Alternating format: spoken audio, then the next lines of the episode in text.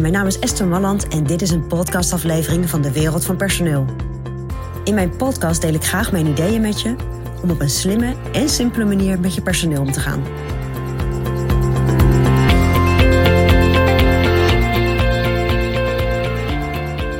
Als jij een nieuwe medewerker krijgt in je bedrijf, dan is dat vaak een hoop geregeld.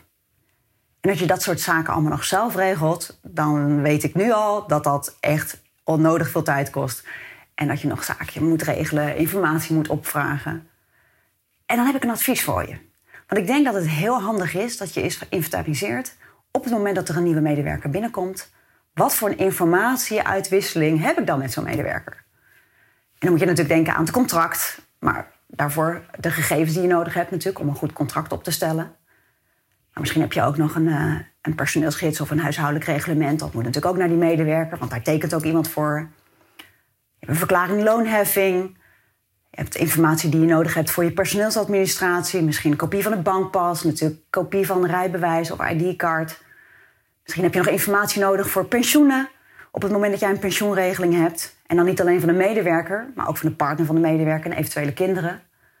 Nou, er zijn genoeg dingen die uitgewisseld moeten worden op het moment dat jij een nieuwe medewerker hebt.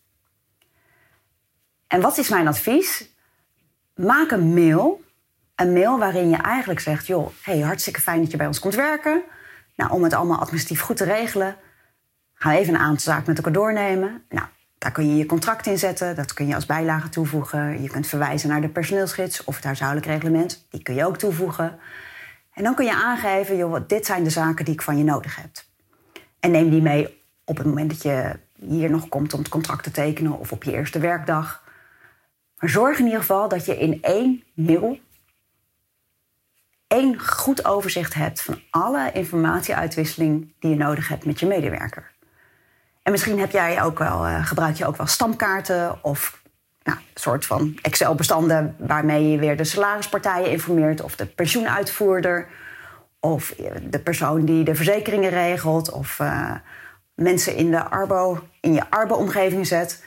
Kijk, er zijn heel veel handelingen om te zorgen dat de nieuwe medewerker bij alle partijen bekend is en met de juiste informatie. En dat is natuurlijk heel belangrijk. Dus maak een mail waarin je dat allemaal afdekt. Denk daar even goed over na en stuur die gewoon naar de medewerker, zodat in één oogopslag helder is welke informatie er allemaal nodig is. Nou, dat helpt jou om het goed op een rij te zetten een keer, maar dat helpt ook je nieuwe medewerker om zich te realiseren wat voor informatie nodig is op het moment dat hij of zij bij jou uh, in dienst treedt. Ik werk daar zelf heel, uh, heel vaak mee bij klanten en dat werkt echt heel erg fijn. Dus uh, nou, overweeg dat. Dat is mijn persoonlijk advies vanuit de wereld van personeel. Wil je ontwikkelingen in de wereld van personeel blijven volgen? Abonneer je dan op ons podcastkanaal. Ook op onze website vind je allerlei slimme ideeën en adviezen. Dus kijk even rond op www.dewereldvanpersoneel.nl.